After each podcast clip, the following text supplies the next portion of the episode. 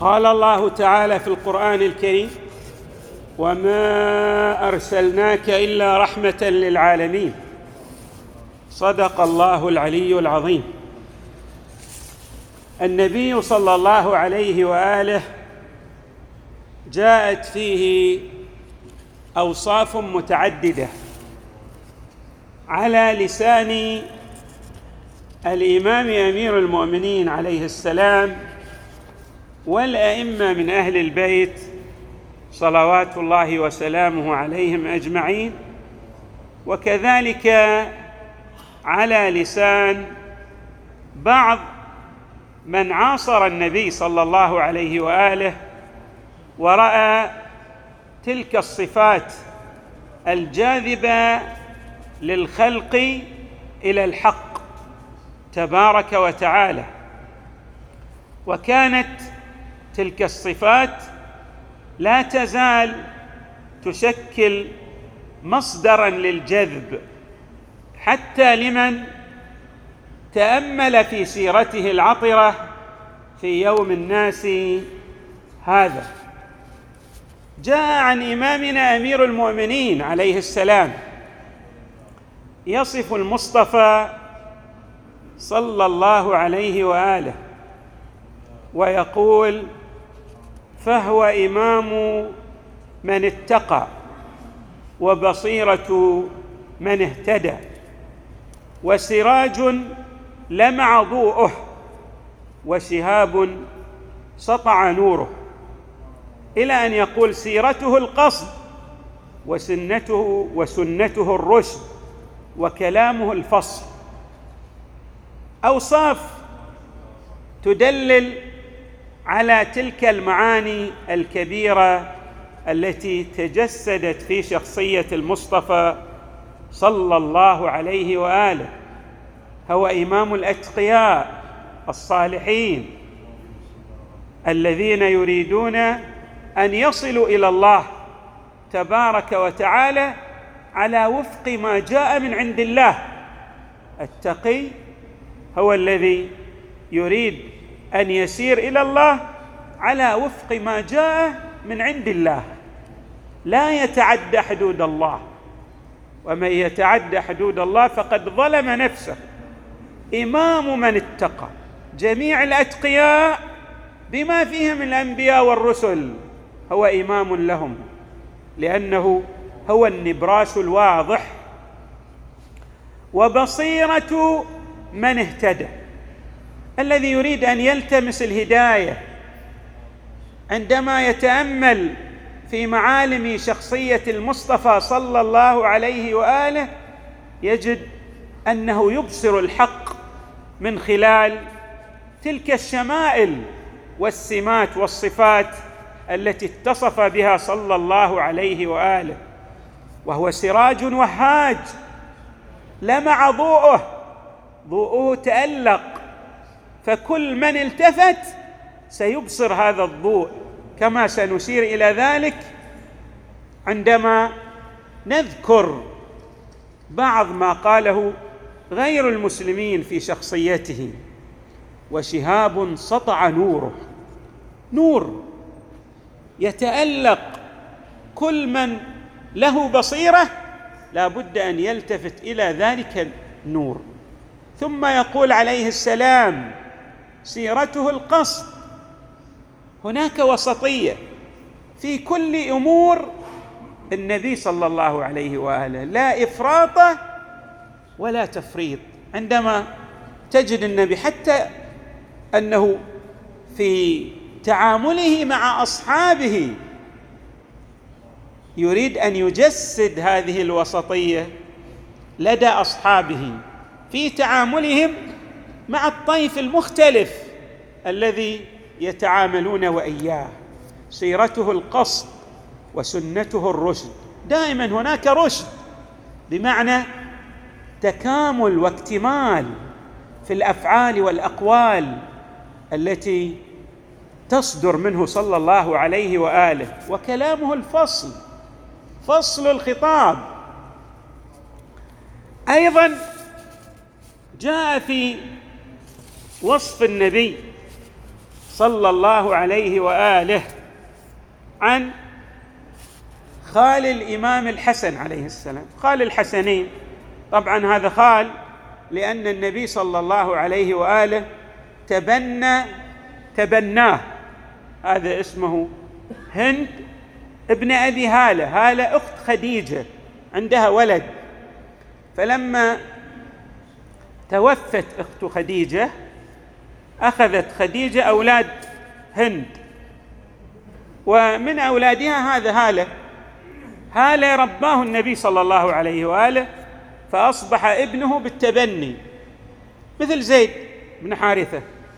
فالإمام يطلق عليه الإمام الحسن يقول سألت خالي. خاله يعني أردت بين قوسين أن أوضح معنى خال الإمام الحسن لأنه يصبح ابن النبي. أخو السيده الزهراء بالتبني. طبعا هذا مفهوم يعني قديم ولكن مجاراه للتعبير القديم. نعم. جاء على لسان هذا الوصاف الدقيق. عنده أوصاف دقيقة لشخصية المصطفى صلى الله عليه وآله. انظروا إلى هذه الأوصاف. لا تغضبه الدنيا. ما يتأثر يغضب لأمور تنتهي متلاشية. الأمور التي ما لها ثبات لا ترتبط بالله وبالمبادئ الحقة لا يتأثر بها النبي صلى الله عليه وآله. لا تغضبه الدنيا وما كان لها. فإذا تعرض للحق لم يعرف لم يعرفه أحد. يعني إذا كان يريد أن يذود عن الحق كأنك لا تعرفه لأن هذا الدفاع عن الحق يمثل أقصى درجات الذود عن الحق. انظروا هذا التعبير الجميل. أيضا يقول لا يغضب لنفسه ولا ينتصر لها قد مثلا كما رأينا النبي صلى الله عليه وآله وصف بأوصاف جد سيئة. لا يتحملها أحد. من تلك الأوصاف إنه كذاب كاهن ساحر غير عادل في تعامله. أوصاف بذيئة غير جيدة. وأيضا كيف تعامل معه أولئك الأشرار؟ الاردال في الحقيقة الذين كانوا يأخذون يعني ما يخرج من روث الحيوانات فيلقونها على النبي صلى الله عليه وآله. ولكن النبي صلى الله عليه وآله بحلمه بمكارم أخلاقه بسمته بحسن هديه أرسى مبادئ الحلم والحكمة في تعامله مع أولئك الذين انسلخوا عن إنسانيتهم إذا صح التعبير. اي يقول نعم لا يغضب لنفسه ولا ينتصر لها. ثم يقول أيضا إذا غضب أيضا كيف تعرف غضب النبي صلى الله عليه وآله؟ يصير عنده إعراض يعرض ويسيح بوجهه. وإذا فرح أيضا يغض ينزل رأسه. صلى الله عليه وآله. جل ضحكه التبسم. إذا ما عنده قهقه في ضحكه. دائما باسم الثغر. هكذا كان صلى الله عليه وآله الطاهرين.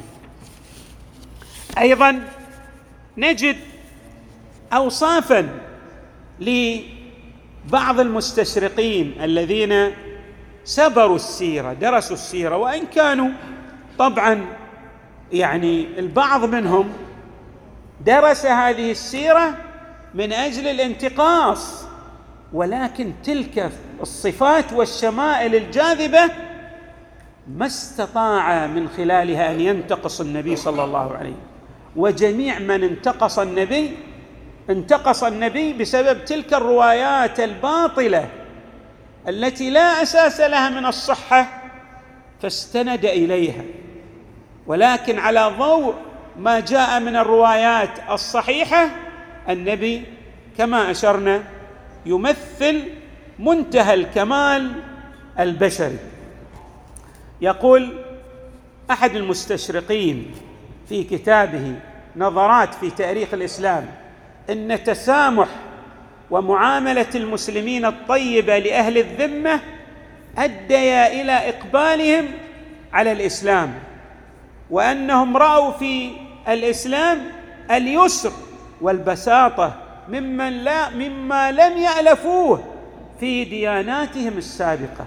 وما ذلك إلا لما تعلمه المسلمون من شخصية النبي صلى الله عليه وآله في التسامح الجم مع ألد أعدائه الذين يكيدون إليه ليل نهار صباح مساء.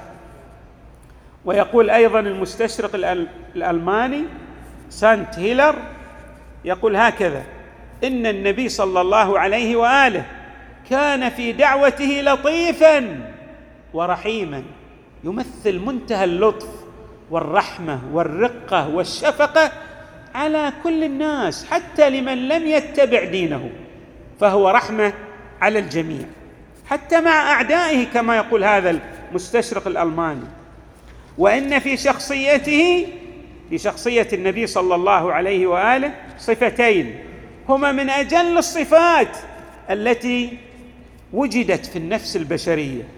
ما هما الصفتان؟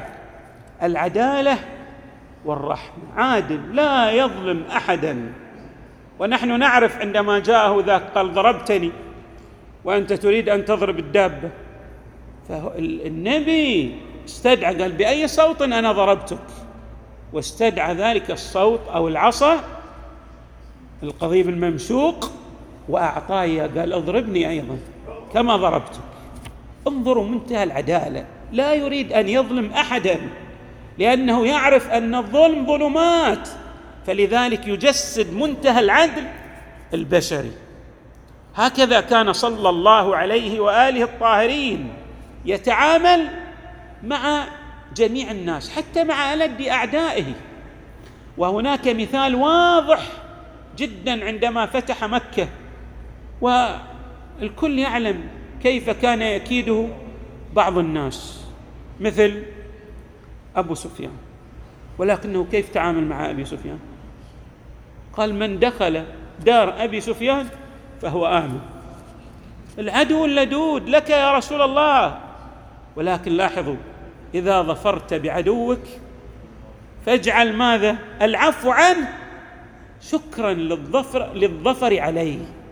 مبادئ وقيم كان يجسدها النبي صلى الله عليه وآله وهو يعلم أن هؤلاء يجسدون ألد العداء لشخصيته ولكنه يتعامل بهذه الرحمة وهو يعبر عن نفسه صلى الله عليه وآله بأنه رحمة للعالمين. اهداها الله تبارك وتعالى لعوالم الوجود. أنا الرحمة المهداة. هو رحمة مهداة لعوالم الوجود. صلى الله عليه وآله الطاهرين. هو أيضا يعلمنا إذا أردنا أن نستنزل هذه الرحمة الإلهية كيف نعمل؟ كيف نجسد هذه القيم في نفوسنا وفي شخصياتنا؟ يقول صلى الله عليه وآله ببذل الرحمة تستنزل الرحمة من الله. إذا كنت ترحم الناس تشفق عليهم تتعطف عليهم فاعلم أن الله تبارك وتعالى وهو الرحيم الودود سينزل رحمته عليك. ويقول صلى الله عليه وآله بالعفو تستنزل الرحمة. ويقول صلى الله عليه وآله بذكر الله تبارك وتعالى. يعني الإنسان يصبح لسانه رطبا بذكر الله. يقول تستنزل رحمة الحق تبارك وتعالى. ويقول صلى الله عليه وآله أبلغ ما تستدر به الرحمة. انظروا إلى هذا الحديث. الإنسان لو تأمل فيه طوال حياته لما استطاع أن يوفيه حقه. يقول صلى الله عليه وآله أبلغ ما تستدر به الرحمة أن تضمر لجميع الناس الرحمة. ضميرك يشكل رحمه ما عندك حقد ولا غل ولا حنق على أحد من الناس. بينما لاحظوا كيف هؤلاء الذين يدعون الإسلام وهم يمارسون أبشع أنواع الظلم في حق إخوانهم المسلمين أو حتى في حق غير المسلمين لأن الإسلام يرفض الظلم بأي نحو من الأنحاء. نسأل الله تبارك وتعالى أن يجعلنا مع المصطفى صلى الله عليه وآله ومع أهل بيته البررة الميامين في الدنيا والآخرة وصلى الله وسلم وزاد وبارك على سيدنا ونبينا محمد وآله أجمعين الطيبين الطاهرين.